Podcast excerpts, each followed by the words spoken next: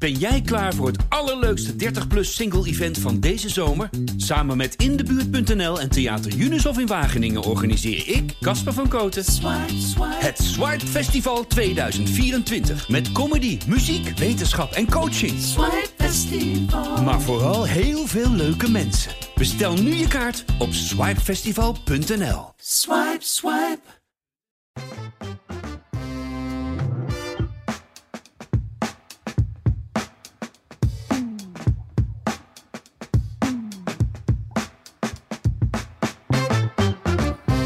Welkom bij de PZC Voetbal Podcast, aflevering nummer 8 van dit voetbalseizoen. En we hebben een gast vandaag, dat is eh, scheidsrechter Niels Boel. Naast hem zit Jan Dagenvos en ook Rudy Bogert zit hier aan tafel. Heren, welkom, goedemorgen. En eh, een eh, ja, hartelijk welkom expres voor jou, eh, Niels. Ehm, ja, want jij bent scheidsrechter, zit in het talententraject. En eh, jouw coach is, eh, of was, moet ik eh, helaas zeggen, Rien van Haafden. Deze week eh, overleden, oud betaald voetbalscheidsrechter. Daar gaan we straks nog eh, uitgebreid op in op zijn eh, overlijden. Maar klopt dat hij dit seizoen nog echt eh, ja, jouw, eh, jouw, jouw begeleider was en Ja, zoveel contact met hem had. Ja, eh, al, ja, vier weken geleden is hij nog bij mij bij een wedstrijd wezen kijken bij, bij Dongen tegen Kwik uit Den Haag. En nou ja, kort daarna heb ik hem nog even telefonisch gesproken. En dat was eigenlijk het laatste contact. En daarna is het contact voornamelijk via zijn vrouw verlopen toen hij in het ziekenhuis terecht is gekomen. Dus hij, ja, dit seizoen is hij nog eh, meerdere keren bij me langs geweest inderdaad. We parkeren het nog even tot, eh, tot later. We beginnen even met het, eh, het overige voetbalnieuws. Ehm, Niels, wat is jou ja, deze week opgevallen op en rond de velden? Eh, nou, wat mij eigenlijk is opgevallen is de vele opstootjes rondom Ajax, PSV, de topper in de Eredivisie. En ja, als scheidsrechter kijk je daar natuurlijk net ietsje anders naar. En eh, zeker dat eerste moment eh, waarbij eigenlijk de vlam in de pan sloeg, zie je het eigenlijk al aankomen. Je zag het al gebeuren dat Alvarez zo Vanaf, eh, Sangaré een duwtje ging geven. Precies, vanaf het begin eigenlijk dat Simons aan de zijlijn net even werd neergehaald. En dan komt er iedere keer zo'n moment van het gaat goed, gaat goed. En ja, dan is het wachten totdat het een keer misgaat. En als scheidsrechter is dat heel lastig te herkennen en ook heel lastig te voorkomen in dat soort gevallen.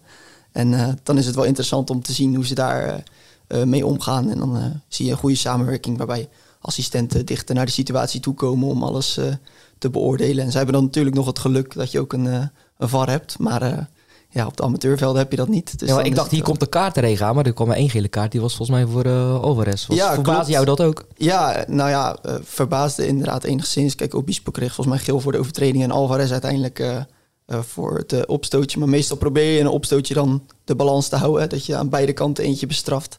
Maar eh, ja, in dit geval werd het zo opgelost. Ik denk dat hij had er misschien ongetwijfeld nog wel meer kunnen geven. Maar in sommige gevallen gebeurt er zoveel eh, dat je het misschien soms maar zo beter af kunt doen. En eh, ja, kunt kijken hoe je het de rest van de wedstrijd op kunt lossen. En je had het over nog meer op- opstootjes, Jan. Even voor de uitzending. Ja, in eh, Spanje was het eh, heel erg geweest. En in, eh, ik las vanmorgen op Twitter Argentinië. Jij zei, Niels had het over de bekerfinale, was dat? Ja, klopt. was tien keer rood gevallen. Dus ja, waar hebben we het over? Ajax PSV. Ja, ik heb nog één iemand zijn stem niet gehoord. Dat is van eh, Rudy. Dus Rudy, eh, wat was jouw eh, voetbalnieuws deze week? Ja, niet echt nieuws, maar vanavond, maandag, het is heel vroeg, omdat jij op vakantie moet. zit hij heel vroeg en vanavond op ik maandag. toch, neem een souvenirtje mee van je. Ja, is goed, is goed, is goed. Vanavond neemt Ron van Roosevelt afscheid als voorzitter van voetbalclub RCS. En ehm, ja, dat, dat las ik op, eh, op een- eh, echt een waanzinnig leuk Twitter-account van RCS Stats. Ik weet niet of je dat wel eens eh, volgt. Nou, echt een shout-out aan dat, eh, dat account, want afgelopen zaterdag won RCS met, eh, met 2-1 bij MZC. Overigens ook eh, een heet gebakerde wedstrijd eh, was dat. Ehm, en dat was de honderdste wedstrijd on- onder het voorzitterschap van eh, Ron van Roosevelt. Ja, ik hou van zulke gekke feitjes. En op RCS-stats kun je ze allemaal eh, terugvinden. Zo melden ze ook dat, ehm, eh, dat het vandaag op tijdens de ledenvergadering treedt hij dus af dat het precies 93 jaar geleden is dat eh, RCS een naamsverandering kreeg. Dat het zijn naam eh, RCS kreeg. Het was eerst FIOS en het werd precies 93 jaar geleden werd het RCS. En zulke feitjes op zo'n Twitter-account, ja, ik zoek er zelf ook altijd naar. Dat, als Arjen de Koeien bijvoorbeeld nog nooit gescoord heeft op de 15e dag van een maand, ja, dat vind ik superleuk. En RCS doet ook zulke gekke dingen. Koud Doesburg die nog nooit op een vrijdag heeft gescoord. Dat is een beetje het niveau van dat, eh, van dat Twitter-account. Dus ik raad het iedereen aan om ik dacht volgen. maar één zo iemand in Zeeland hadden, Jan. Maar er is Ja, nog dat- iemand die... eh, Dat, dat doet me echt goed. Dat doet me echt goed. en over wie hebben het hier? Wie verdient de pluim hiervoor? Ik, ja, ik, weet niet, ik denk dat ik weet wie erachter zit, maar ik ga niet, eh, ik ga niet de naam roepen als ik het niet zeker weet. Maar ja, ik vind de mystiek achter, dat je niet weet wie erachter zit, vind ik eigenlijk ook wel leuk. een beetje dat Twitter-account van de Blanke Bogarde. Uh, dan weet je ook niet wie het is. Ja, maar kijk er maar eens naar. Het is echt het, is het volgen waard. Kijk. Jan. Nou, uh, ik was afgelopen uh, zaterdag ook bij de wedstrijd van uh, Kloetingen tegen Nieuwenhoorn. En uh, vooraf komen altijd de scheidsrechters en de grensrechters, assistent scheidsrechters moet je tegenwoordig zeggen, binnen. En ja, het viel gelijk al op, ze namen plaats aan de tafel, de bestuurstafel, dat het allemaal jonge, jonge gastjes waren. En ehm, dus ja, toen kwam het te sprake van, ja, wat, dan werden de leeftijden uitgewisseld. Gemiddelde leeftijd van het trio bleek 23 jaar te zijn.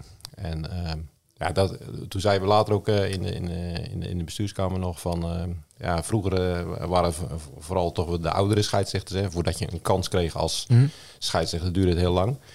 En ja, nu zaten daar drie jonge gasten aan tafel. En ja, die moesten die wedstrijd leiden. En dat, ja, dat was wel bijzonder. En ik, ja, ik vond het, het is ook wel een goede ontwikkeling, denk ik, dat, van die jonge mannen mannen die wedstrijden leiden. Dus ja, ze gingen op een gegeven moment naar de wedstrijd. Dus ik zei van succes jongens. En toen zei ik van, nou, eigenlijk moet ik succes mannen zeggen. Maar Niels die zei van, nou, het mag ook jongens zijn hoor. Dus, uh... Maar komt dat vaker voor wat Jan zegt? Was dit wel heel opmerkelijk dit weekend? Gemiddelde leeftijd 23 jaar. Rond hoe oud ben je zelf? Uh, ik ben 24. 24. Komt, uh, komt dat vaker voor? Ja, eigenlijk wel. Um, meestal als je, als ik dan bijvoorbeeld in de derde divisie fluit, dan ga je eigenlijk altijd op pad ook met assistent scheidsrechts uit talentenrijk betaald voetbal. En dat zijn eigenlijk ook over het algemeen allemaal jonge gasten. die een beetje dezelfde leeftijdscategorie als ik zitten. Um, dus dan komt het inderdaad regelmatig voor dat je met een, uh, een jong arbitraal trio op pad gaat. En ja, wat Jan zegt, ik denk dat dat alleen maar een, een goede ontwikkeling is. En ja, dat we daarmee ook hopen andere mensen aan te moedigen om hetzelfde te gaan doen. Ja, ja want dat is ook nodig. De, de, de, ja, de cijfers in het amateurvoetbal qua scheidsrechter neemt enorm af. Daar later meer over. Maar we gaan het eerder, uh, eerst hebben over, ik noemde hem al eerder, Rien van Haafden. Um, overleed uh, vorige week op 70-jarige leeftijd. Was uh, scheidsrechter, in het betaald voetbal, vooral assistent scheidsrechter. En ik wil even wat, een, een, zin van Rudy aanhalen uit het, ja, de necrologie die hij schreef over hem. Van, um, Rien van Haafden was markant in woorden, daden en in uiterlijk.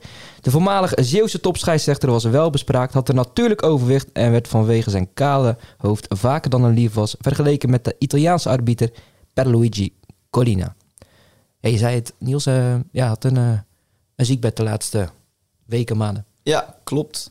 Hij, uh, een paar jaar geleden is hij verhuisd naar Lent, omdat zijn kinderen daar wonen. En sindsdien is eigenlijk qua gezondheid ietsje minder gegaan, verschillende dingen gehad eigenlijk, waardoor uh, ja, verschillende gezondheidsklachten.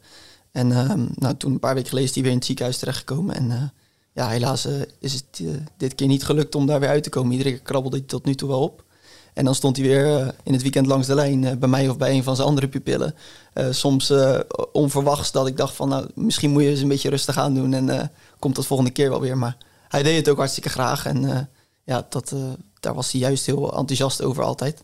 En uh, ja, helaas is het uh, dit keer niet uh, goed gekomen. Ja. Eind november vorig jaar nog onderscheiden met de Gouden Speld. dat heb ik toen inderdaad gelezen. En ja, dan komt zo'n bericht wel onverwacht. Zeker toen jij me erover belde, Rudy. Um, ja, wat was jouw reactie? Um, en sowieso, wat was je laatste contact ook met hem? Um, ja, dat is logisch dat je schrikt. Dat doet iedereen. We hebben eh, vooral, eh, dat geldt voor ons allemaal, voor jou Jurgen en voor Jan ook, eh, contact gehad rond ehm, de CTV Voetbal Awards. Hij was toen verantwoordelijk voor de, voor de scheidsrechtersprijs, om maar zeggen, de, de, award voor de scheidsrechters. En hadden we redelijk intensief contact. En ik heb hem ook wel eens als scheidsrechter gehad in, in het amateurvoetbal. En wat je dan, ja, wat je eigenlijk van iedereen wel hoort, dat hij gewoon dat natuurlijke overwicht had, dat natuurlijke gezag. Dat je, ja, je kon niet met hem sollen. Zodra hij uh, je nog maar aankeek met die priemende ogen, dan uh, dacht je, oh, nou, laat ik maar eventjes niks zeggen. Zijn lengte, zijn kale hoofd, zijn rustige manier van praten. Maar vooral, vooral zijn oogopslag. Want zodra die, dat, daar was hij zich ook van bewust dat hij zeg maar, kon dwingen, kon spelen met zijn ogen, met zijn oogopslag. Hij hoefde maar naar iemand te kijken en dan niks te zeggen. Dat deed hij ook uh, buiten het veld. Als je, als je hem bij een wedstrijd tegenkwam en je sprak met hem, dan keek hij wel eens naar je en dan zei hij niks. En dan dacht je, oh, oké, laat ik hem nou maar niet tegen gaan. En, en, maar goed, ik heb hem ook nooit boos gezien, dus het was, het was echt een spelletje ook voor hem, volgens mij. En ik denk dat er hier niemand op tafel is die een slechte ervaring met hem had, want het was echt een gouden kerel. Maar um, ja, ik, ik, ik heb nog niemand gehoord die een, een, een minder verhaal over hem had. En dat, uh, dat, dat, zegt natuurlijk ook wel iets. een ja, groot verlies. Denk ook voor de scheidsrechterswereld. Want ja, hij heeft een leven in het zwart achter de rug. Hè? Van scheidsrechter in betaald voetbal.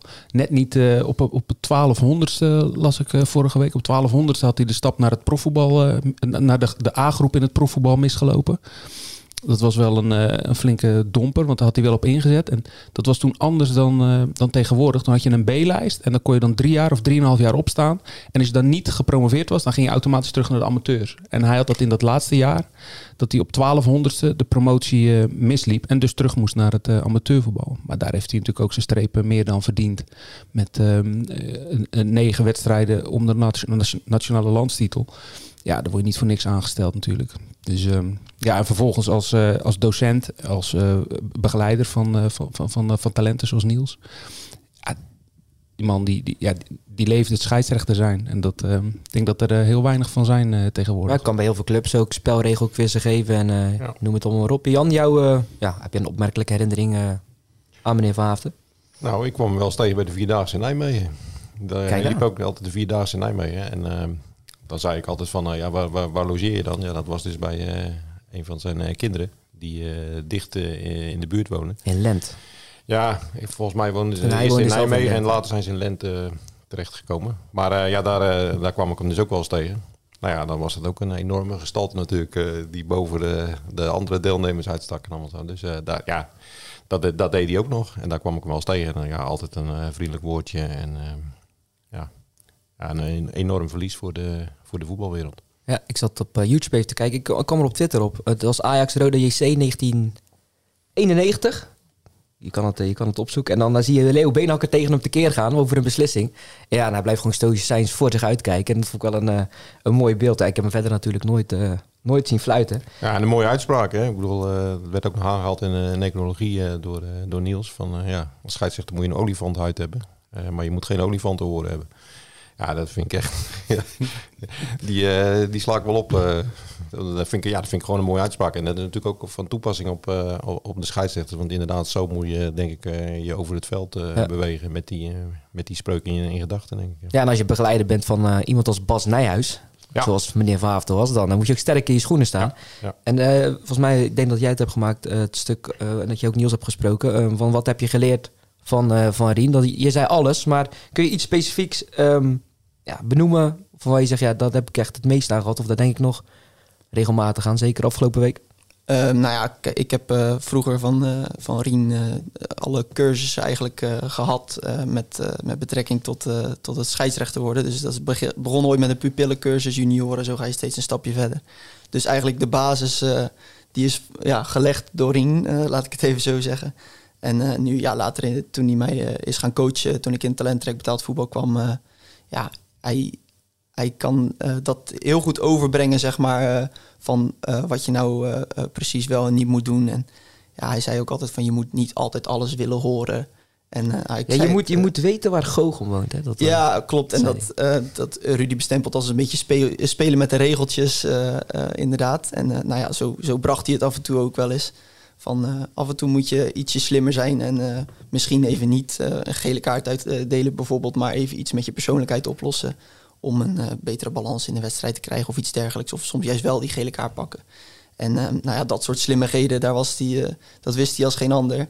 En um, ja, altijd iedere wedstrijd, na iedere wedstrijd we even telefonisch contact. En hij liet ook vaak hele grote stiltes vallen. Uh, zodat je eigenlijk al zelf de dingen kon invullen uh, waarvan je wist van oh, misschien dat ik dat toch wel even anders moet doen. En daardoor ga je heel goed uh, over je eigen prestaties nadenken en goed reflecteren op je eigen handelen. Dus ja, dat, dat neem ik zeker wel mee. En daardoor ben ik ook denk ik beter gaan reflecteren op mijn eigen prestaties na de wedstrijden. Nog iets aan toe te voegen, heren? Nee. We hebben bij, via deze de nabestaanden enorm veel sterkte wensen met het verlies van Rien van Haafden. Dan gaan we het over uh, voetbal hebben. We benoemden net al Kloetingen. Jan, jij was uh, aanwezig bij de wedstrijd die door Niels werd gefloten. Kloetingen Nieuwhoorn, 3-1 voor, uh, voor Kloetingen. Heel even waren ze zich periodekampioen. Hè? Hoe, hoe, was dat op de tribune, die, die sfeer? Ja, nou, op de tribune worden natuurlijk ook de tussenstanden bijgehouden. Dus er werd even op een gegeven moment stond ja, concurrent Odin. Want die waren koploper, die hadden één punt meer. Die stonden met 2-1 achter bij ARC. Nou en ja, ik denk dat het een kwartiertje geduurd heeft. Toen kwam er al heel snel het bericht van ja, het is 2-2. Ja, dan had het nog gekund. Maar ja, ik geloof dat het twee minuten later was dan ik het 2-3. Ja, dan zie je het wel een beetje weg hebben. En ik hoorde later van de trainer Julian van Poelje dat ze het op de bank ook wel mee hadden gekregen. Dus ja, even was er de geest. Maar dat, toen viel ook net volgens mij de 2-1 van Nieuwhoorn. Dus ja, dat, ja, je moet het zelf ook nog doen. Dus dat was even het was nog half uur spelen voor Kloeting hè, toen hij 2-1 ja, viel. Ja, Zouden die wedstrijd ook niet tegelijkertijd gespeeld moeten worden? Nou ja, dat, dat, wat, ik vond dat vooraf, want ik had gekeken naar de aanvangstijd en ik zag dat uh, Odin, uh, die begon om half drie. Eh, bij ASC. En uh, terwijl Kloetingen om drie uur speelt. Goes ja, ook. En Goes speelde ook om drie uur. En waarom spelen ja, om drie uur? Omdat het ja, Goes speelde ook om drie uur. Omdat het heel erg druk is op Varkenoord met allerlei wedstrijden van Feyenoord. En dat geldt eigenlijk bij Kloeting ook. Die, hebben ook al, die, die spelen altijd wel om mm -hmm. Maar dan, ja, dan had je ook verwacht dat ASC om drie uur zou beginnen. Ja. Maar ja, dat was dus niet zo. Ik denk als het om de kampioenschap was gegaan, dat het wel gelijktijdig was verspeeld. Hoe kijk jij terug op, op, de wedstrijd? De Kloetingen won. Uh, er was denk ik één opmerkelijk moment. Uh, goal van de jager die hem ja, leek op de wilde een beetje met zijn arm uh, meenam. hoe zie jij nu die situatie? Ja, Jullie klopt. doorgaan? Ja, ik heb, ik heb de beelden ook teruggezien. Inderdaad, ik had het net even met Jan over. Maar in de wedstrijd zag ik eigenlijk dat Ruben hem op, de, op de achterkant van zijn schouder kreeg. Dus was er voor mij ook echt absoluut geen sprake van een hensbal. Uh, daarnaast was ook zijn arm strak langs het lichaam in die zin. Dus ik heb daar in de wedstrijd geen moment over getwijfeld. En ook niet toen ik eigenlijk het eerste beeld terugzag in de samenvatting. En eigenlijk pas bij de herhaling dacht ik zoiets van... Hm, misschien krijgt hij hem toch wel een beetje op zijn arm. Maar ja, ik blijf toch bij wat ik heb gezien tijdens de wedstrijd. En ik ben nog steeds van mening dat het geen hensbal is. En nou ja, het is misschien ook een mooie clip om voor ons te bespreken in Zeist tijdens een bijeenkomst van wat we met zo'n moment doen. Ja, want ik ben misschien wel een beetje een andere mening toegedaan. Maar hoe zag jij dat Jan gelijk op de tribune? Had je ook zoiets van, hey, opmerkelijk nou, de moment. de tribune was het uh, sowieso heel lastig uh, te zien. Uh, nou, ik heb later ook de beelden van, van onze collega's teruggezien. En um, ja, ik, ik, hij heeft zijn arm wel langs zijn lichaam. Maar ik vind Hens, ja, dat vind ik echt de moeilijkste regel tegenwoordig. En het wordt de scheidsrechters niet makkelijk gemaakt, maar de, en zeker de voetballers niet. Um, ja, ik, ik, ik kan er soms geen pijl op trekken. Ik bedoel, als ik, als ik, als ik beelden van bij Stuursport zie. En, en uh, dan zie ik soms hensbal en denk van ja, dit is hens. En dan wordt er geen penalty gegeven. En uh, bij andere momenten, ja, ik, ik, het, is bijna niet meer uit te leggen, vind ik. En uh, ja, ik, ik vond het zelf geen, geen echte hensbal als ik het terugzie. Maar ja, er zullen ongetwijfeld zijn scheidsrechters die hem wel terugfluiten. Hoe was jouw algemene indruk over de, over de prestaties van Niels? Je kan, is misschien moeilijk kritisch zijn als je naast zit, maar nee, nee, nee, ik, moet, ik, moet, ik moet iets bekennen. Ik bedoel, ik ben natuurlijk een tijdje uh, eruit geweest. Ik heb Niels nog nooit zien uh, fluiten. Ik heb hem wel uh, gehoord en ik, ik, ik heb hem ook wel een beetje gevolgd. En, maar goed, ik zag hem nu voor het eerst fluiten. En um, ja, we hadden hem al uitgenodigd voordat, mm -hmm. voordat, voordat die wedstrijd was. Dus dan let je er ook wel met meer op dan, dan normaal. Ja, en ik bedoel, ja, ik heb het in het begin al gezegd, een hartstikke jong uh, trio. Uh, maar ja, er stond wel een, uh, een, een, een team wat zich niet gek liet maken, heel rustig was. Um, ja, ik heb Niels ook in mijn verslag verder niet genoemd. Nou ja, dat is meestal een teken. Ja. Zeggen wij dat de scheidsrechter uh, uh, niet echt opgevallen is en, en dat hij het goed heeft gedaan. En niet omdat hij niet hier zit, hier zit uh, helemaal niet. Want ik bedoel, kijk, als het, als het niet goed is, dan moeten we dat ook gewoon kunnen benoemen. Met, dat doen we over spelers ook en dat doen we over scheidsrechters ook. Maar ja, ik vind het wel mooi, iemand van 24 jaar die daar tussen allemaal grote gasten staat ook. En uh, ja, gewoon heel rustig bleef, uh, kort opzat, uh, alles, alles, alles wel goed in de peiling had. En ja, nou ja, goed, dan zijn er van die momenten. Maar goed, die zijn voor heel veel mensen onduidelijk. Ja, ik, ik snap dat Nieuwe Hoorn appelleert voor zo'n hensbel. Ja. dat zou andersom ook gebeuren. Maar ja, ik, heb, ik had geen aanmerking op hem, denk ik. En ja, dan ben ik altijd benieuwd, want na afloop ben ik dan ook in de catacombe om voor spelers te interviewen. Maar dan zag ik ook weer, er was een rapporteur aanwezig.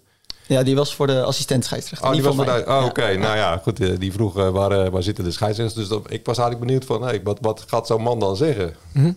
uh, want ja, ik zie wel heel vaak na een wedstrijd dat, dat de rapporteurs op zoek zijn naar de scheidsrechter. En dan denk ik van, ja, wat zou die nou gezien hebben? En die lopen dan ook met zo'n boekje. ja, daar ben ik altijd wel benieuwd naar wat die, wat die rapporteurs. maar komen die dan bij jullie gelijk in de kleedkamer? Is dan gelijk ja, de vinger op de zere plek leggen? Of is dat dan ja, dat was voor, contact. Voorheen was dat wel altijd zo. Alleen uh, tegenwoordig mogen ze sinds dit seizoen niet meer in de kleedkamer komen officieel. Dus dan heb je vaak telefonisch contact na afloop. En dan ja, bespreek je eigenlijk gewoon de punten telefonisch die bij de waarnemer zijn opgevallen. En waar zij twijfel over hebben of waar ze extra uitleg over willen. Van joh, waarom heb je dat nou daar beslist? Of waarom heb je uh, zus gedaan. Dus uh, dan heb je eigenlijk telefonisch bespreek je dat uh, dan direct na afloop. En nou, voorheen deed je dat in de kleedkamer, maar dat wilden, wilden ze nu vanaf, omdat dat ja, best wel gelijk na de wedstrijd, je zit nog volop in de adrenaline van zo'n wedstrijd, dat dat niet echt het juiste moment is om gelijk te gaan reflecteren. Dus vandaar dat ze dat nu telefonisch doen. En dan, ja. Hoe vaak krijg jij per seizoen zo'n rapporteur op visite? ja, dat lastig te zeggen, maar ik aan de tien keer kom je zeker wel, eh, als het niet meer is. Dus, en dan krijg je ook nog regelmatig bezoek van een coach. Komen ze wel eens kijken van de technische staf. Dus ik denk dat bij 60, 70 procent van mijn wedstrijden wel iemand aanwezig is uh, om te kijken naar mijn prestaties. Klein quizvraagje, Rudy. Uh, wat was de opmerkelijke overeenkomst tussen Kloetingen en Niels Boel vorig seizoen? hij heeft die kampioenswedstrijd gefloten, hè? Dan moest hij invallen. Dat was opmerkelijk, ja. Klopt, ja. ja. Dat, was de... ja, dat was een lakmoesproef. Want als je in zo'n wedstrijd opeens moet invallen, onvoorbereid, met een trio of met twee assistenten die je niet kent. Ja. En dat dan gewoon vlekkeloos doet. Ja, klopt. Dat was een heel opvallend moment. Ze hadden me vooraf... Uh, had iemand van Kloetingen me gevraagd van... Joh, wil je je spullen meenemen voor het geval dat? Was het een kampioenswedstrijd op vrijdagavond tegen Tenneuze Boys? Daar klopt, gaat het tegen Tenneuze Boys. Dus uh, nou, ze hadden dat gevraagd. Dus ik ging samen met... Uh, ik zei tegen een vriend, zeg, ga je mee? gewoon even kijken. En dan ze, ik neem mijn tas mee, maar ik ga er niet vanuit dat er iets gebeurt. Je had dus nog geen uh, biertje besteld aan nee, de bar? Nee, gelukkig niet. Daar heb ik expres mee gewacht. En uh, toen zat ik op de tribune en ineens was er wel niet strafschopmoment in de 16 bij Kloetingen. En ik was aan het zoeken naar de scheids. Ik denk, waar is die nou? En die stond nog in de middencirkel. was Matthijs Jobsen volgens mij? Ja, klopt. En ik heb Matthijs ook goed van de scheidsrechtersvereniging bij ons. Dus, en ik zie hem op een gegeven moment een stap doen en ik denk, oei, dat ziet er niet goed uit. Dus toen ben ik al rustig richting de kleedkamer gewandeld. En nou ja, toen moest het er nog echt van komen ook. Dus uh, ja, bijzondere ervaring om zo in te moeten vallen. Maar gelukkig verder geen bijzonderheden. En was de wedstrijd al uh, zo goed als gespeeld. Ja, lijkt me toch opmerkelijk. Dan ga je voor zoveel publiek ja, met een rustig gevoel die, uh, de wedstrijd kijken. En opeens de laatste 20 minuten of zo. ja, zoiets volgens mij. En, klopt. En ik heb nog nooit zo'n groot applaus gehad toen ik het veld op kwam in ieder geval. Dus dat was wel heel leuk. hoe, hoe, wat ik me afvroeg, hè, van, jullie worden nu aangesteld ook bij Zeeuwse wedstrijden. Want Rick Sturm was afgelopen zaterdag bij Hoek. jij was bij Kloetingen.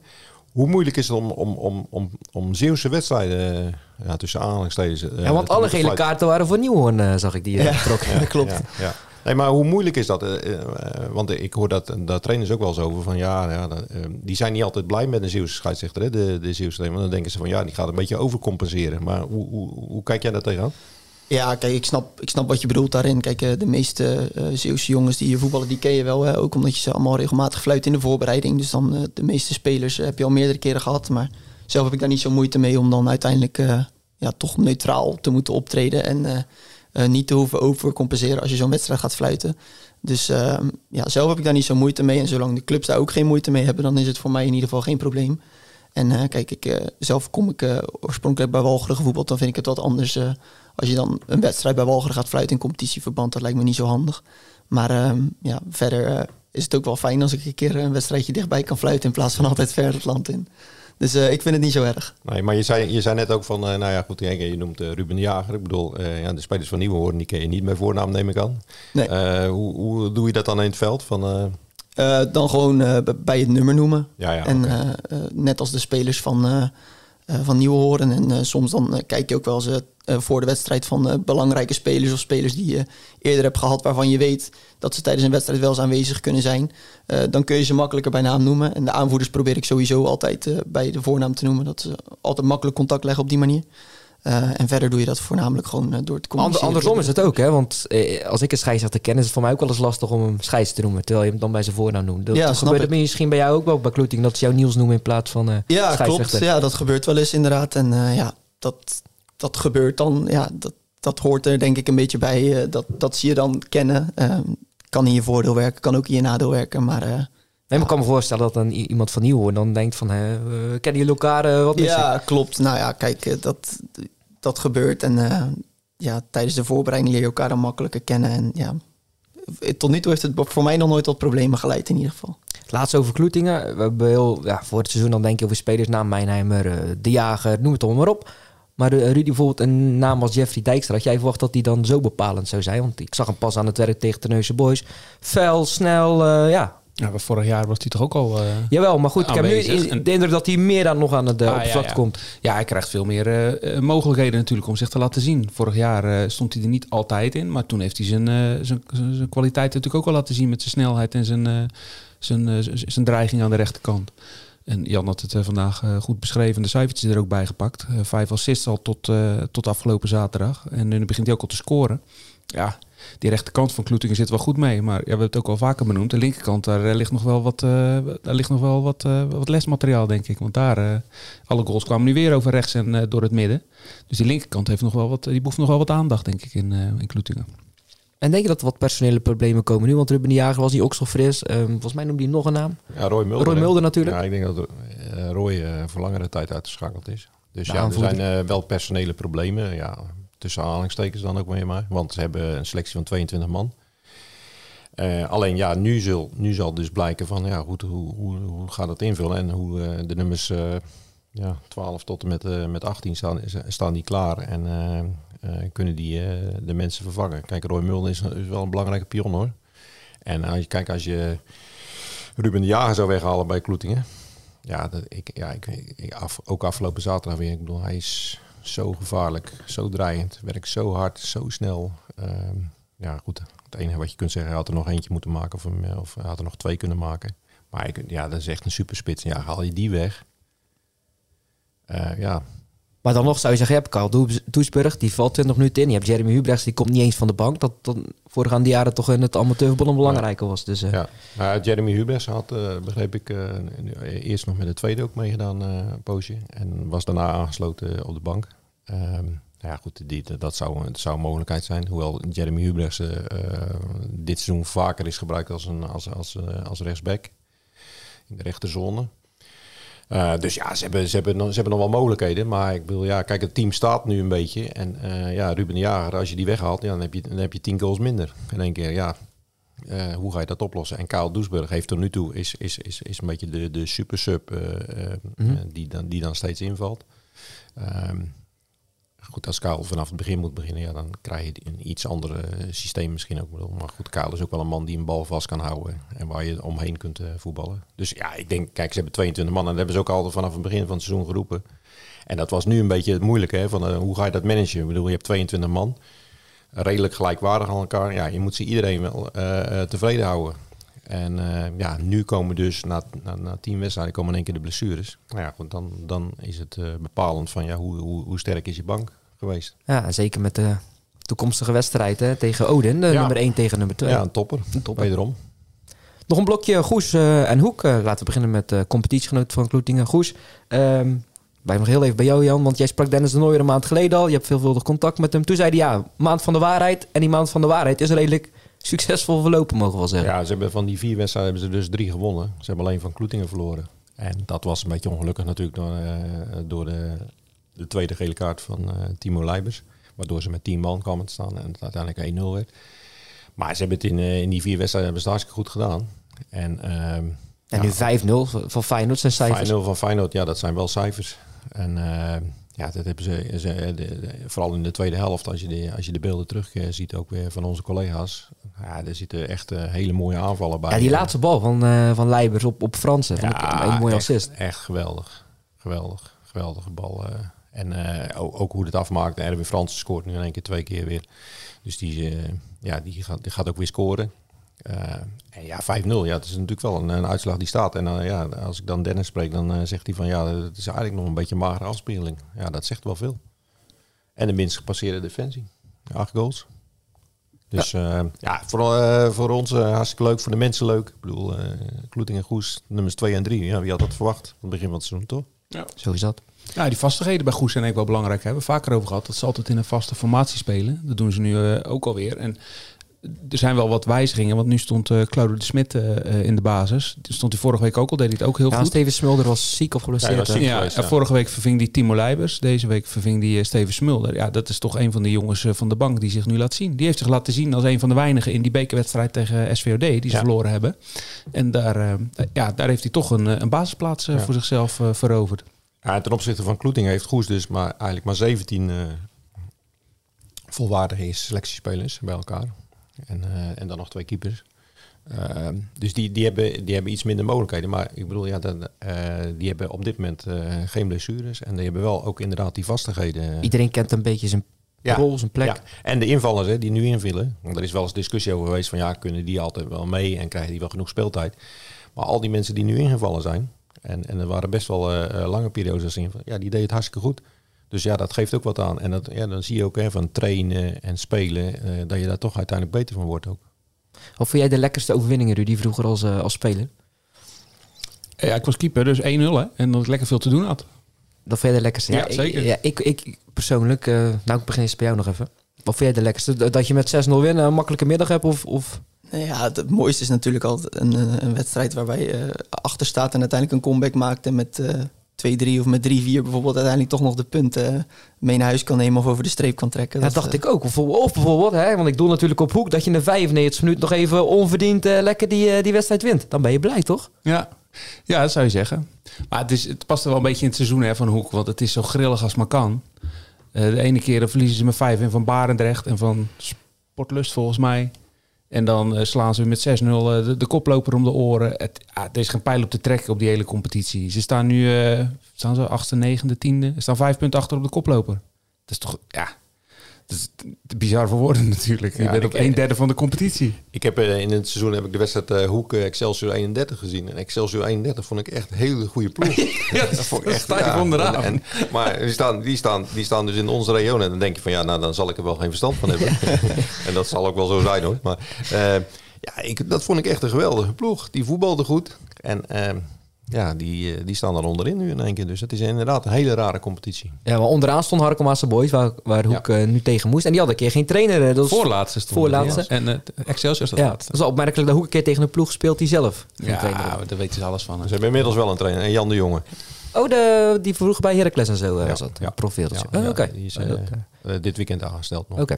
Kijk, ja. maar goed, Hoek won dus eh, de dying seconds. Als Hoek nou zo'n zo'n zo'n reeks, eh, eh, ja, gewoon die vastigheden die, die, waar we het net bij Goes over hadden, als ze die nou eens voor elkaar krijgen, ja, dan kan je een hele leuke, hele Ja. leuke competitie tegemoet gaan nog, hè? Want ja, de spelers hebben ze er wel voor, denk ik. Ze hebben doelpuntenmakers, ze hebben goede verdedigers. Op middenveld hebben ze creativiteit en, en harde werkers. Ja, als dat allemaal eens gaat klikken, week in, week uit. Maar het is al vaker geweest, hè? een paar jaar geleden al, dat voor je gevoel Hoek geen goed seizoen had, maar dat ze toch meededen voor de bovenste plekken. Kijk naar vorig seizoen met Lorenzo Stanes. Overigens, eh, voor de podcastliefhebbers, die was de gast in de Mid-Mid-podcast. Had hij het nog over Hoek, Lorenzo Stanes, over zijn periode daar. Maar goed, je weet het dus. eh, inderdaad niet. gevoelens had hij er Wa- Ja, waarschijnlijk hele warme gevoelens. eh.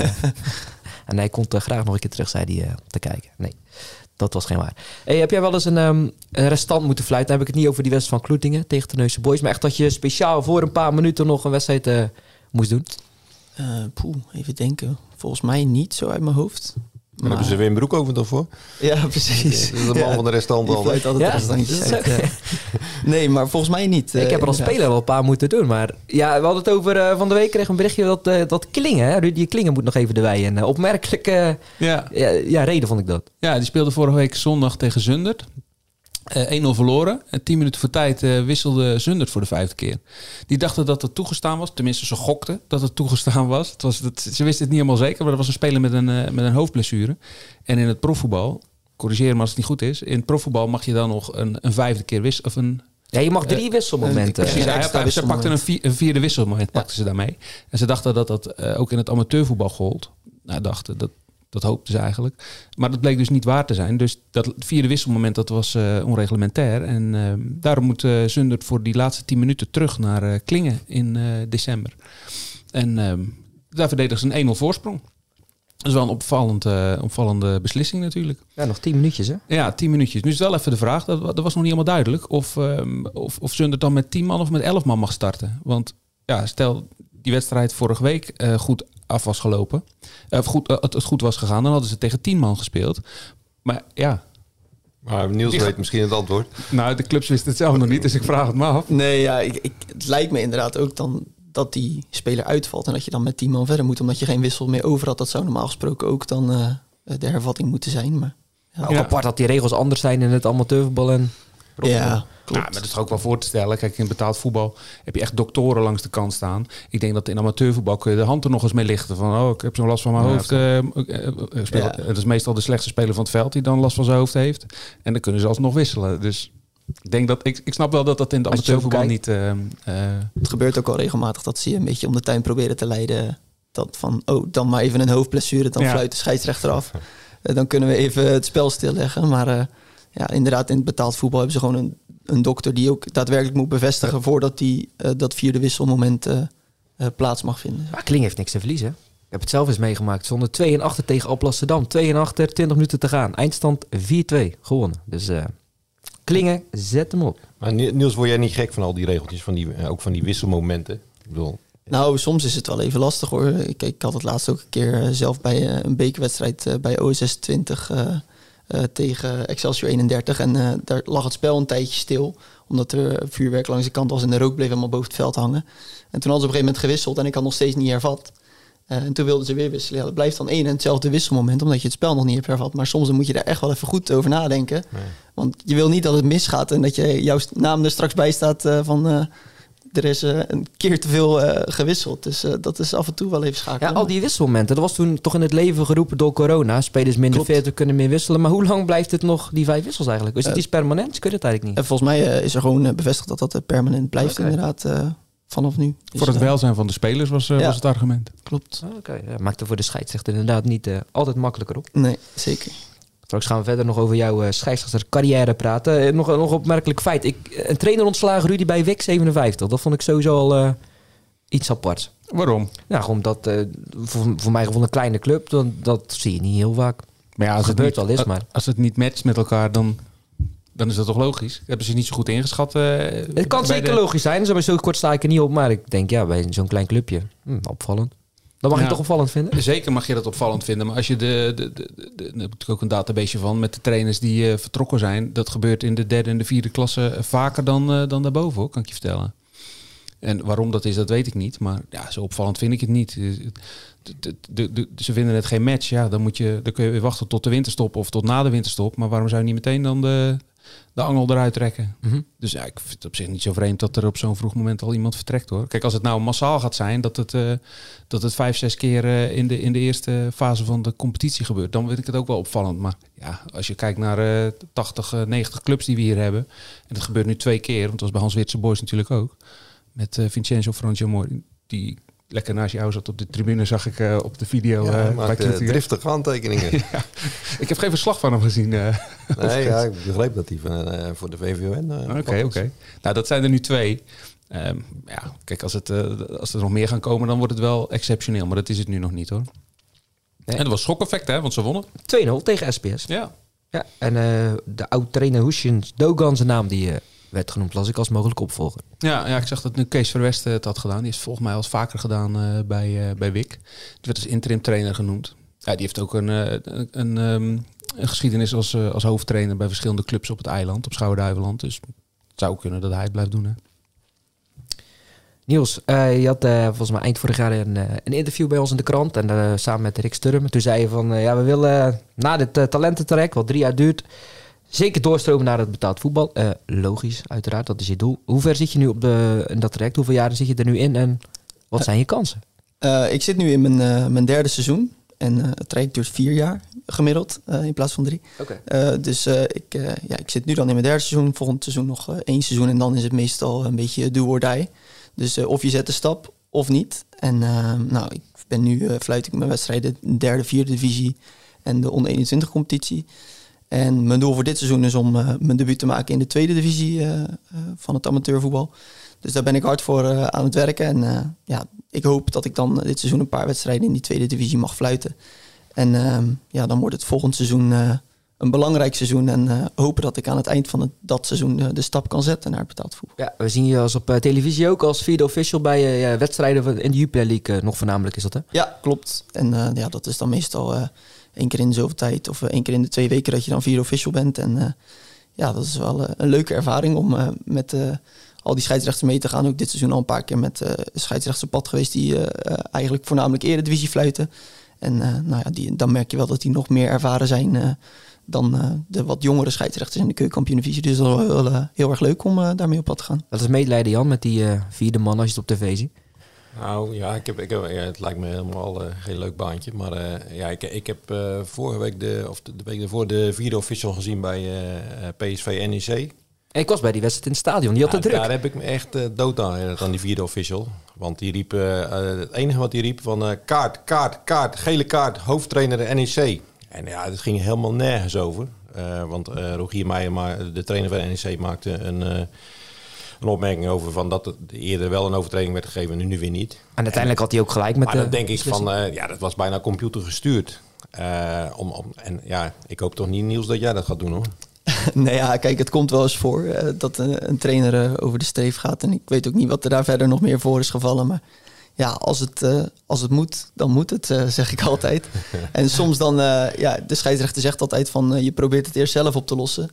Lukt dat niet, dan kom ik. En als ik kom, dan kom ik voor een kaart. Ja, maar, nee, maar, dit, dit, dit klonk ook, en dat, dat zag er ook heel autoritair uit. En kijk, als scheidsrechters hebben altijd al uh, heel snel de bijnaam van ja, het zijn autoritaire mensen en uh, daar valt niet mee te praten en allemaal zo. En ja, dat werd in, bij die uh, fase werd het een beetje bevestigd. En dan denk ik van ja, maar goed, zeg het dan op een normale manier. Ah, van Nistelrooy kwam er nog bij. Hè? Die zei ook van uh, ja, tegen die uh, hij heeft geen kaart te krijgen. Het slaat nergens op. Die kon de meubel ook niet meer redden dan. Want uh, die kaart werd gewoon gegeven. Ja, en dat, ik bedoel, dat snap ik dan ook weer wel. Ik bedoel, als je dat roept, ja, kun je moeilijk zeggen van ik geef hem niet. ja. ik bedoel, dat zou heel raar zijn, toch? En het staat al op beeld ook. En het staat op beeld. Dus, nou ja, en, en, maar goed, vierde official, ja. Ik... Snap je, ja, snap je wat Jan zegt? En beaam je dat ook een beetje? Van, ja, nou ja, kijk, niet, ik wil het niet uh, nog een aantal jaar doen. Nee, uh, kijk, je wil natuurlijk het liefst zelf op het veld staan. Uh, laat dat duidelijk zijn. Maar het, het, hoort er in dit geval bij. En om hoger op te komen, ja, is het nou eenmaal, hoort het bij je, bij je takenpakket, zeg maar. En als je stel, je gaat straks keukenkampioen divisie fluiten, dan betekent dat je ook vierde official zal zijn in de eredivisie. Um, terwijl je misschien liever op het, zelf op het veld zou staan. Um, en natuurlijk uh, heb ik af en toe ook wel eens zoiets als je dan uh, de hele avond afgezeken wordt, dat je denkt van nou, ik had even thuis gebleven. Maar uh, tot nu toe is het ook nog gewoon vaak heel erg leuk. Je komt op allerlei verschillende plekken, op allerlei stadions, bij heel veel leuke clubs. En in 9 van de 10 gevallen is het ook wel hartstikke leuk om, om daar te staan, ondanks dat mensen soms denken dat het een hondenbaantje is. En dat komt denk ik ook wel een beetje doordat Van der Gijpen toen een paar jaar geleden mhm. de vierde man flink belachelijk heeft gemaakt. Ja. zijn er wel vrienden van jou die dat in de groepsappje gooien? Ja, ja, dat komt regelmatig voor. En dat is ook de eerste paar keer als je dat dan bent, dan, uh, dan gaat het ook voornamelijk daarover. Maar uh, ik heb wel eens een paar keer vrienden meegenomen en die vinden het dan toch wel heel erg leuk als ze dan... Uh, een wedstrijdje mee mogen pakken. En dan krijgen ze toch wel weer wat meer respect. Wat is een trainer in de eerste divisie waar jij het echt lastig mee had als vierde man? Nou ja, er zijn wel een aantal, aantal trainers die, die wat meer aanwezig zijn dan anderen. En eh, ja, dat is lastig om daar eh, in sommige gevallen mee om te gaan. Maar, kun je één voorbeeldje noemen? Nou, uh, Alex Pastoor heb ik wel eens een discussie mee gehad langs de lijn. En voor twee weken geleden bij Telstar had ik Mike Snoei. En die zei van, goh, ik ken jou nog niet. heb ik jou al eens vaker gezien hier. Dus ik zeg, nou, ik, zeg, ik ben nog nooit vierde man geweest bij jou. Hij zei, ja, hij zei, die zijn altijd heel streng voor mij. Dus hij zei, wel een beetje lief zijn voor me. Ik zei, ja, als dat andersom gebeurt, dan komt dat wel goed. En ja, meestal, je moet het ook niet opzoeken, dat soort dingen. En als ze echt te, te ver over de streef gaan, dan moet je inderdaad ingrijpen. En dan komt er soms wel eens een kaart bij kijken. Maar uh, over het algemeen gaat dat wel goed. Ja, en een interview in 2019, toen zei jij uh, ook bij ons in de krant van ja, ik vind dat ik wat strenger voor mezelf moet zijn. Of niet voor mezelf, maar op het veld. Ja. hoe sta je nu in die, die ontwikkelingen ruim ja, jaar of drie later? Ja, klopt. Want je zei toen ook van ik denk dat ik het nog als te veel als voetballer wil oplossen. Ja, klopt. En dat, dat, ja, dat, uh, ik denk dat ik daar wel uh, de afgelopen jaren stappen in heb gezet. En dat komt ook voornamelijk, denk ik, door een stukje ervaring en dat je wat ouder wordt. Dus uh, je leidt meer wedstrijden op een hoog niveau. je hebt meer ervaring met bepaalde situaties. Je weet ook sneller hoe je in bepaalde dingen moet handelen. Um, dus ik denk dat ik daar zeker wel stappen in heb gezet. En dat, dat, dat dat niet meer een, een, stempel is die ik zomaar krijg, zeg maar. Ik kijk ook even naar jullie bij deze vraag, man. Jullie lopen wat langer mee dan mij. Maar het, het, het traject waar hij nu in zit als Zeeuwse scheidsrechter... zijn er nog veel meer Zeeuwse mannen in dat traject geweest... die ja, al dan niet zijn afgehaakt? Nou, hoe speciaal is het? Ik kan me herinneren dat uh, Luc Martens heeft uh, ook ooit in dat traject uh, gezeten. Die, en, en die, die, is op een gegeven moment afgehaakt. Dat was ja, die was toen ook spits bij RCS uh, eh, die tijd nog. Ja, ja. ja. dat was ook do or die, wat, jij, wat jij zei. Uh, denk ik op een gegeven moment. die, maar die is op een gegeven moment al wel afgehaakt. En ja, ik, ik hoop altijd maar dat ze, als ze niet, het betaalde voetbal niet halen, dat ze dan toch nog behouden blijven voor het, voor het amateurvoetbal. En ehm, ja, ik bedoel, ja, je moet die ambitie natuurlijk hebben dat je naar het profvoetbal gaat. En dat, is ook, ja, dat lijkt me ook een hele mooie, mooie stap. Maar ehm, ja, het is niet makkelijk om die stap te maken, denk ik. En ehm, ja, het, ja, het is gewoon een heel moeilijk vak.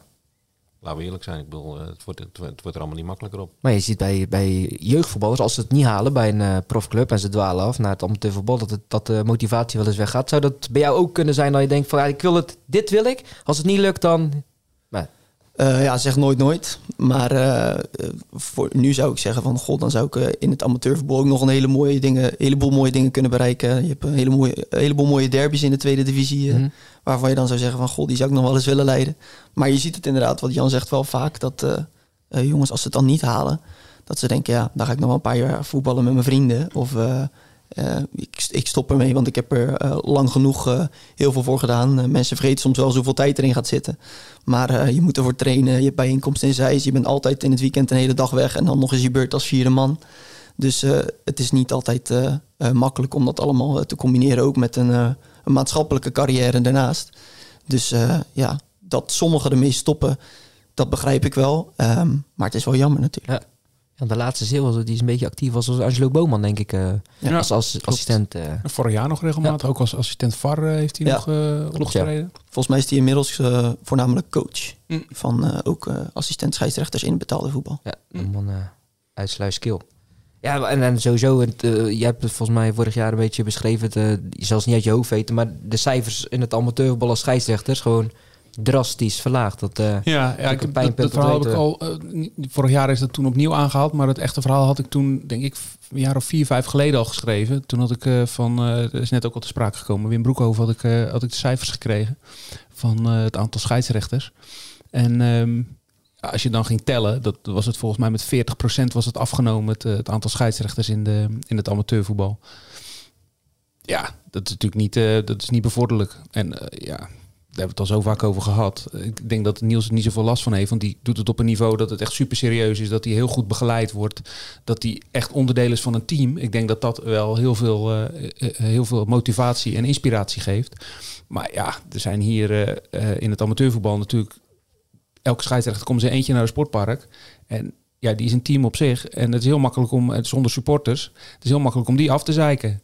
De, de, de, de ploegen doen dat onderling. Uh, kijk, je zoekt altijd wel een, een, dader, een schuldige voor, voor iets wat niet goed gaat. Ja, wat is er makkelijker dan, dan de scheidsrechter daarvoor aan te wijzen?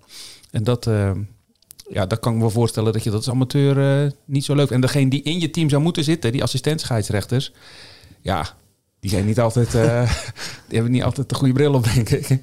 ja, dus je, ja, je, je wordt gewoon belazerd waar je bij staat als scheidsrechter. En je krijgt ook nog een karrevag stond over je heen. Ja, dat, dat zit je, ja, ik zou zeggen, dat heb ik al vaker gezegd. Ja, ik zou het niet kunnen. Helemaal niet. Maar dat dacht jij misschien vroeger ook, voordat je door uh, Rino Haafden werd, uh, ja, naar werd geschoven. Ja, het is ooit uh, gewoon begonnen als een onschuldige hobby en dat is het eigenlijk nog steeds. Maar ja, nu wel iets serieuzer dan toen. Maar ik ben ook gewoon begonnen in de vierde klas bij Wolversdijk tegen Wik. En uh, uiteindelijk iedere keer een stapje omhoog gezet. En uh, nou ja, ik snap ook wel wat Rudy zegt, dat voor sommige amateurscheidsrechters uh, lastig is. Het is een best wel individueel vak natuurlijk. Je bent altijd alleen en je zit alleen in je hokje in de rust te reflecteren. en na aflopen nog een keer. En bij sommige clubs moet je zelfs zelf je bakje koffie of tegenhalen in de rust. en, en wordt dat nog niet eens zo goed verzorgd. Dus dat sommigen, met name dan tijdens de coronatijd ook volgens mij hebben gedacht van er zijn nog een heleboel andere leuke dingen buiten om te fluiten. Kan ik me ook enigszins wel voorstellen. Had jij, had jij na uh, Kloetingen Nieuwhoorn, had jij een goed gevoel uh, na afloop uh, van toen, je, toen je naar huis ging? ja, zeker. En natuurlijk ga ik dan ook wel eens bij mezelf na van... Goh, wat had ik nog anders kunnen doen? of waar kan ik nog verbetering boeken voor mezelf? En nou ja, er was in de eind eerste helft gebeurde er ook een situatie voor de tribune waar een beetje tumult was met de aanvoerder van Nieuwhoorn die ineens naar de grond ging. Ja, ik had niks gezien en mijn assistent ook niet. En dan uh, denk je toch van, goh, heb ik iets gemist? Uh, waar ging het nou mis? Um, maar ja, dat is altijd lastig uh, achteraf. En als je dan beelden hebt, dan is het nog veel makkelijker om zulke dingen na te kijken. Maar ja, ik, als ik iets niet goed heb gedaan, dan weet ik het meestal wel vrij snel te benoemen. Um, maar als ik als ik een goede wedstrijd heb gefloten, dan uh, ben ik ook niet bang om dat uit te spreken. Als je nou één regel mocht veranderen in het amateurvoetbal, één spelregelwijziging mocht doorvoeren, heb je dan een idee welke dat zou zijn? Uh, nou, ik vind dat ze uh, de spelregel van buitenspel dit seizoen met de wijziging van wel niet bewust spelen, die hebben ze wel weer een stukje moeilijker gemaakt dan dat die vorig seizoen was. Want dan was het van als de, de, verdediger een poging doet om de bal te onderscheppen, dan heb je gewoon een nieuwe situatie. En nu moeten wij gaan beoordelen wanneer een verdediger wel of niet bewust een bal speelt. Ja. ja, en dat maakt het eigenlijk voor ons alleen nog maar veel lastiger, terwijl het vorig jaar eigenlijk heel erg zwart-wit was. Ja. Uh, kijk, ik snap dat ze hem hebben gewijzigd, want je krijgt ook hele rare situaties waarbij spelers meters buiten spel staan en dat de speler net een bal doorkopt en dat hij dan uh, toch ineens door mag. Maar die zou ik, uh, wat mij betreft, wel terug willen draaien. Dan maakt het voor ons een stuk makkelijker op het veld. Van Basten heeft ooit gepleit volgens mij voor het afschaffen van gewoon het complete buitenspel. Dus zonder buitenspel. Uh... Ja, dat was toen zo'n zo'n demo-wedstrijd. Dat je ook mocht ja. indribbelen en zo. En ja. um, zuivere speeltijd, dat, dat soort dingen. Maar ja. het doet echt geweld aan de, aan de essentie van het spel. Want dan, kijk nu, uh, als je zonder buitenspel speelt, ja, dan ga je die balletjes wachters krijgen in de, in de halve maan van de 16 meter. Ik zou toch graag dat, willen zien. Dan krijg je zo'n lang gerekt veld. Dat, is, ja, dat, dat, dat gaat het, het spel zo verschrikkelijk veranderen. Kijk, indribbelen verandert het spel niet. Dat, dat, dat, dat komt de snelheid van het spel ten goede. Ook bij vrije trappen, dat zie je bij, bij de jeugd. Maar als je buitenspel gaat afschaffen, ja, dan, ga, dan ga je echt gekke dingen zien, denk ik hoor.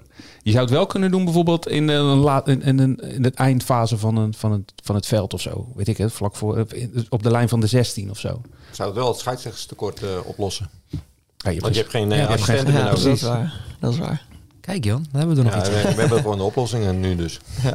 en tot slot Niels, wanneer het meest positieve scenario, wanneer kan je op z'n vroegst uh, je debuut maken in het betaalde voetbal? Um, nou ja, uh, als dat dan uh, mag gebeuren, dan hoop ik dat ik na volgend seizoen uh, de stap mag gaan zetten. en dan ja, in dat seizoen zal ik moeten laten zien, eerst dan in de tweede divisie, dat je rijp bent voor de stap. Dus ehm, ja, even denken, wanneer, welk jaar is dat? Dat zal dan 2024, 2025 zijn misschien. Dus Kijk, dat, daar, daar dat hoop ik. Dat is een mooie doelstelling, denk ik. En daar gaan we alles voor doen. In ieder geval uh, succes daarmee. Uh, Dankjewel. Nog iets op jullie lever, uh, heren? Want vorige, jaar, vorige week kon jij handschrift niet meer lezen. Dus, uh, Rudy, Rudy heeft nog Rudy, wat, hè? We hebben gister, gisteravond hebben we het toch gehad over een wedstrijd. Brouwershaven. Ja, waar, Zo, was dat een wedstrijd? 5-5. Ja, 5-5. Maar weet je wat de ruststand was? Want ik dacht net dat je over die cijfers zou beginnen. Dat, dat je het over die wedstrijd zou hebben. Maar bij rust stond het 0-4. Toch? Hij staat nog op mijn blad, inderdaad. Ja, er stonden 4-0 voor. Brouwershaven. Ze hebben het uh, vakkundig weggegeven tegen SNS. Het Stad Haringvliet. Ja, daar ga ik natuurlijk zoeken, hè? Ja, want het werd 4-4, toen nog 5 voor Brouwershaven. Ja. En dan denk ik, zijn we toch nog binnen, werd het nog 5-5. Ja, ja, het komt wel eens vaker voor hoor. Maar de wedstrijd die er het meest op leek... Voor mij was het een jaar of 4, 5 geleden dat er een keer 5-5 was. was met uh, Schoondijken. Dat, ik heb het gelezen, maar ik heb het niet opgeschreven en opgeslagen. Maar de, interessantste, die, want die leken zo verschrikkelijk veel op. Dat was uh, Arnhemuiden tegen Good Luck in uh, eind jaren 50. Dat was, dat, dat was mooi. Heb je al nog gezien of niet live? Nee. Ah, laat hij onvriendelijk doen. Oh, ja, ja, ja. Echt tijd voor vakantie, vriend. nee, die kwamen ook met, uh, met 4-0 voor. En uh, die kwamen vervolgens met uh, 5-4 achter. De miste Klaas Poortvliet, de vader van Jan Poortvliet, nog een strafschop. En in de slotfase maakte hij uiteindelijk ook nog de 5-5, Klaas Poortvliet. Geweldig, geweldige ja. wedstrijd. Maar Brouwershaven heeft er ook wel een handje van. Want daar sloeg ik gisteren op aan toen je, het, toen je het zei. Die hebben, ik denk dat twee jaar geleden was of zo, hebben die ook een keer... twee weken op rij volgens mij een 4-0 achterstand weggepoetst dat was tegen de Westhoek. En uh, toen wonnen ze alsnog met 5-4. Uh, het was in twee, twee op een volgende weken, maar maakten ze zo'n grote achterstand zelf goed. Dus nu zaten ze aan de ontvangende kant. Dus Brouwshaven heeft wel een handje van om daar uh, om zulke stunts uh, aan de goede kant en aan de mindere kant te beleven. Als we het nog over cijfers hebben, het was gisteren natuurlijk hondenweer, zondag. ik dacht dat er nog 500 man publiek was bij Steen tegen HVV. Ja, goud. Terwijl de week daarvoor moest Steen tegen Filipine. Ook een derby die wat minder leeft, tuurlijk. Maar toen zei de trainer van uh, Steen, Jesse de Waal, nog van... Ik heb het dat die derby hier wat minder gaat leven. Maar als je dan gisteren bekijkt... Ja, de, de collega die er zat, Peter van Kouteren, die stuurt nog een appje. Uh, hoe lang is het geleden dat Steen gewonnen heeft HVV? Toen ging het opzoeken. Dat was in 2006. Um, en toen won Steen met 3-2. Dat was ook zo'n geweldige wedstrijd. Met um, Dennis Buis maakte de winnende uiteindelijk. En dan maakte uh, Eddie van der Bos die maakte hands voor die goal. En de eerste goal van HVV, dat was, dat was buitenspel, zeiden ze zelf. Ja, er gebeurde echt van alles. Maar daar zat gewoon 850 man. 850. En nu 600 met dat hondenweer. Ik denk als het van het weer was geweest als het weekend daarvoor. Dan was er ook gewoon 700, 800 man geweest. Ja, heerlijke wedstrijden toch? Zeker. Dat Wel graag in het amateurvoetbal. Ja, nee, ga door, joh. Ja, over cijfers. Ik heb het niet helemaal. Ik zag het van de week. Ik zit er nu aan te denken, omdat je het over cijfers hebt. Volgens mij is de honderdste aflevering vandaag. Of heb ik het mis? Ja, dat, eh, dat heb ik niet bijgehouden. We waren Moet- natuurlijk moet eerst waren we kijken. podcast en nu podcast, dus dat staat bij Ja, mij dan kun je niet meer. toch- dan eh, kun je toch in je, in je podcast-app kun je het terugzien. Wel jammer dat er nog geen gebak is. Ja, ja dat, dat, dat verwacht je van de presentator. Ja. Ja, dan, het is mijn honderdste aflevering voor jullie niet. Dus, ja, Nee. ik, ik maak, ik, ik moet zo een vliegtuig halen, jongens. Ik ga afsluiten, maar eh, dan kom ik terug met een mooi souvenirtje volgende keer. Ben benieuwd. Ja. Een clip. Sorry nog voor mijn vervelende opmerking net, Jan, over... eh Nee, ik, Heren, ik heb bedankt. een uh, olifantenhuid, hè. Ja. Nou, dat is een mooie afsluiter. Wat was het ook alweer van eh Rien van Ja, moet, zeker. wil jij hem afsluiten met zijn uitspraak? Je moet eh, geen olifant... Of eh, geen olifant... Nee, sorry. Geen olifanten... Je moet een olifantenhuid hebben en geen olifantenoren. Kijk, Zo is het. Geweldig. dat is hem. Dank jullie wel, eh, mannen. Ja. Luisteraar, bedankt. En eh, ja, graag. Tot volgende week.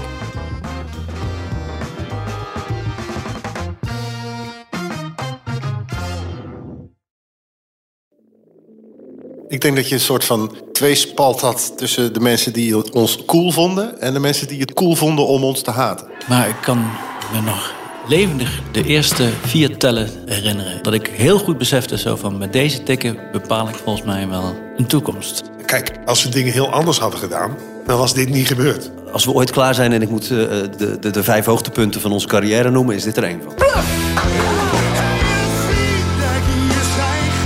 30 jaar Bluff. De verhalen die je nog niet kent. Aan de hand van 10 songs. Dit is de podcast 30 jaar Bluff.